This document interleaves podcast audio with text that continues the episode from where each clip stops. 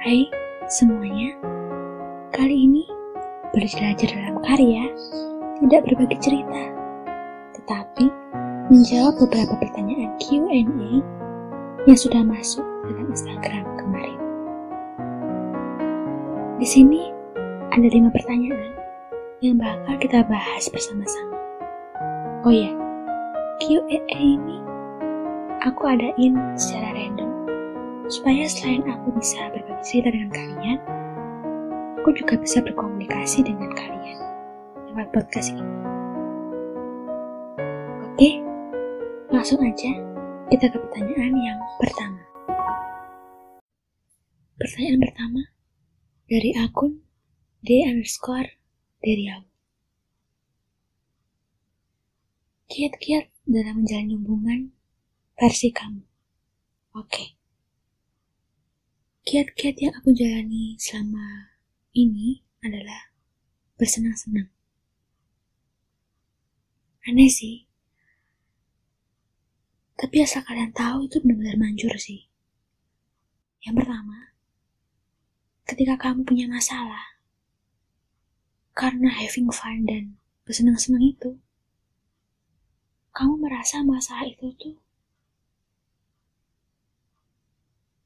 tidak terlalu membebani hati kamu dan pasanganmu. Karena pada dasarnya kalian tuh bersenang-senang gitu. Dan yang kedua, itu bisa mengurangi tingkat kebosanan dalam berhubungan. Kalian sadar gak sih, ketika sebuah masalah datang, dan kebanyakan tuh orang-orang menyelesaikan masalah itu tuh dengan emosi, marah-marah, dan aku melihatnya serasa mungkin mereka lakukan itu supaya pasangan atau orang lain mengerti kalau mereka sedang marah besar. Dan sebenarnya dengan marah-marah, mungkin dengan sindir-sindiran di medsos, dan saling mendengarkan sih. Dan yang terpenting, ya guyon terus itu.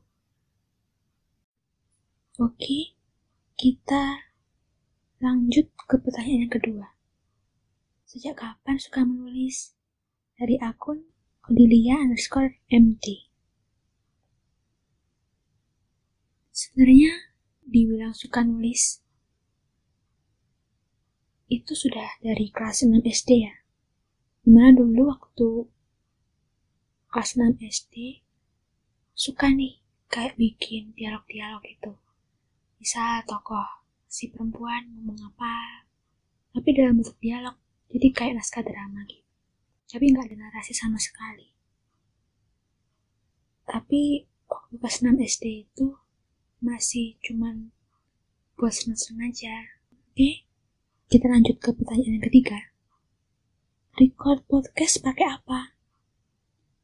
Dari akun Anissa Ul. Aku pakai Anchor ya buat record dan juga peralatan mikrofon yang sederhana. Oke, kita lanjut ke pertanyaan keempat. Cara menjaga hubungan selagi LDR. Dari akun Devani DC. Ini berat sih, tapi aku jawab sesuai dengan pengetahuanku dan pendapatku. Memang sih, ya. Sejak adanya virus COVID ini, banyak banget pasangan LDR, walaupun satu kota. Tapi kalian tetap jaga kesehatan ya. Kalau pergi-pergi, ditaati protokol kesehatannya. Dan menurut aku, ada tiga hal. Pertama, komunikasi. Ya, sepertinya udah nggak asing ya. Karena komunikasi memang penting dalam sebuah hubungan. Nggak hanya hubungan pacaran aja sih. Teman, keluarga tuh juga penting banget komunikasi. Jadi, di mana ketika kalian sedang memiliki masalah, mungkin lagi bete-bete yang kecil atau ngembek-ngembek gitu, tapi kalian simpan sendiri, kalian pendam, itu gak akan menyelesaikan masalah gitu. Gak ada salahnya kamu menceritakan masalahmu itu ke pasangan. Itu wujud untuk mempertahankan sebuah komunikasi agar baik sih. Di mana waktu kamu memiliki masalah, kamu bisa sharing dengan pasanganmu. Ataupun sebaliknya. Waktu pasanganmu ada masalah, dia bisa sharing ke kamu. Perkara entar dia cuma mendengarkan, setidaknya kan dia mengerti bagaimana masalahmu. Yang kedua adalah percaya. Udah LDR kan, gak ada kabar. Mikirnya pasti, aduh, ntar cowokku atau pacar aku ya cewek orang. Selingkuh, itu gak bisa dipungkirin sih. Pasti bakalan muncul dalam benak walaupun cuma tipis-tipis. Ya, kok menurutku sih kamu harus bisa percaya diri kalau lakimu itu atau pasangan itu gak akan melakukan hal itu. Karena kalau kamu tetap mempertahankan pikiran itu, kamu bisa menjadi seorang perempuan yang overprotective dan malah bisa mengacaukan semuanya. Cowokmu yang awalnya baik-baik aja karena sikapnya overprotective itu malah membuat dia tak nyaman, bosan, dan malah melakukan hal yang kamu takutkan. Terakhir setia. Aku pernah dengar pernyataan di mana kamu tidak ingin orang lain melakukan hal itu pada kamu. Sebaiknya kamu juga tidak melakukan hal itu pada dia. Kalau dihubungkan dengan hubungan asmara, di mana kamu nggak mau diselingkuhin, maka kamu jangan dilingkuhin. Jadi apa ya, kayak timbal balik gitu.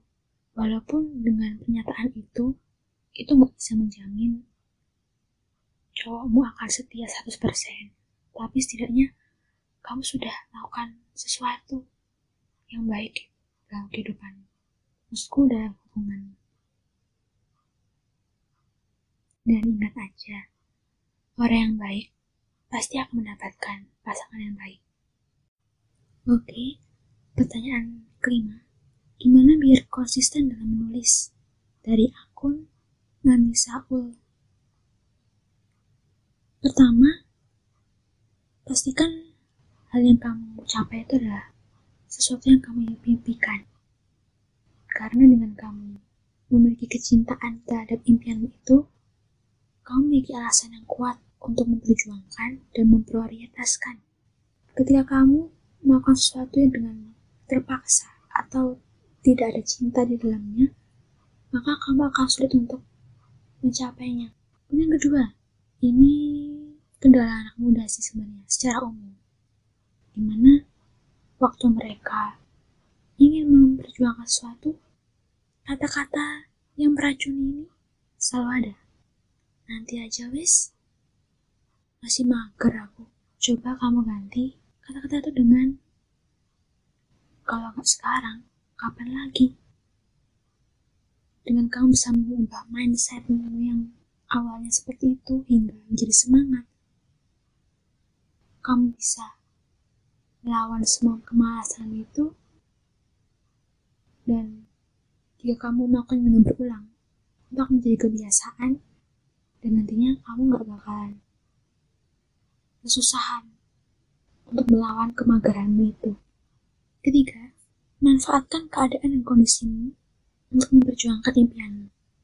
Nah, di sini maksudnya adalah pasti ketika kamu ingin melakukan sesuatu untuk impianmu, sedikit orang menjatuhkan seperti untuk menulis mungkin gak ada yang baca. Tulisan kamu tuh diecek kok gak nyambung sih? Alurnya kok maju mundur? Pokoknya aku gak tetap? Namanya pertama A kedua B. Ya manfaatkan itu untuk mencambukanmu gitu. Terserah orang mau baca atau enggak yang penting aku nulis. Tapi maksudnya aku terus nulis walaupun banyak yang ngecek itu bukan berarti kamu ngestak di level yang sama untuk kamu nulis tapi kamu juga harus bisa upgrade kemampuanmu supaya tulisanmu tuh bisa menjadi lebih baik dan bisa diapresiasi orang nantinya. Itu dia Q&A yang sudah aku terima dan aku berharap sih jawabannya bisa memuaskan kalian ya dan bisa menyenangkan kalian juga. Dan sampai jumpa. Jangan lupa tersenyum.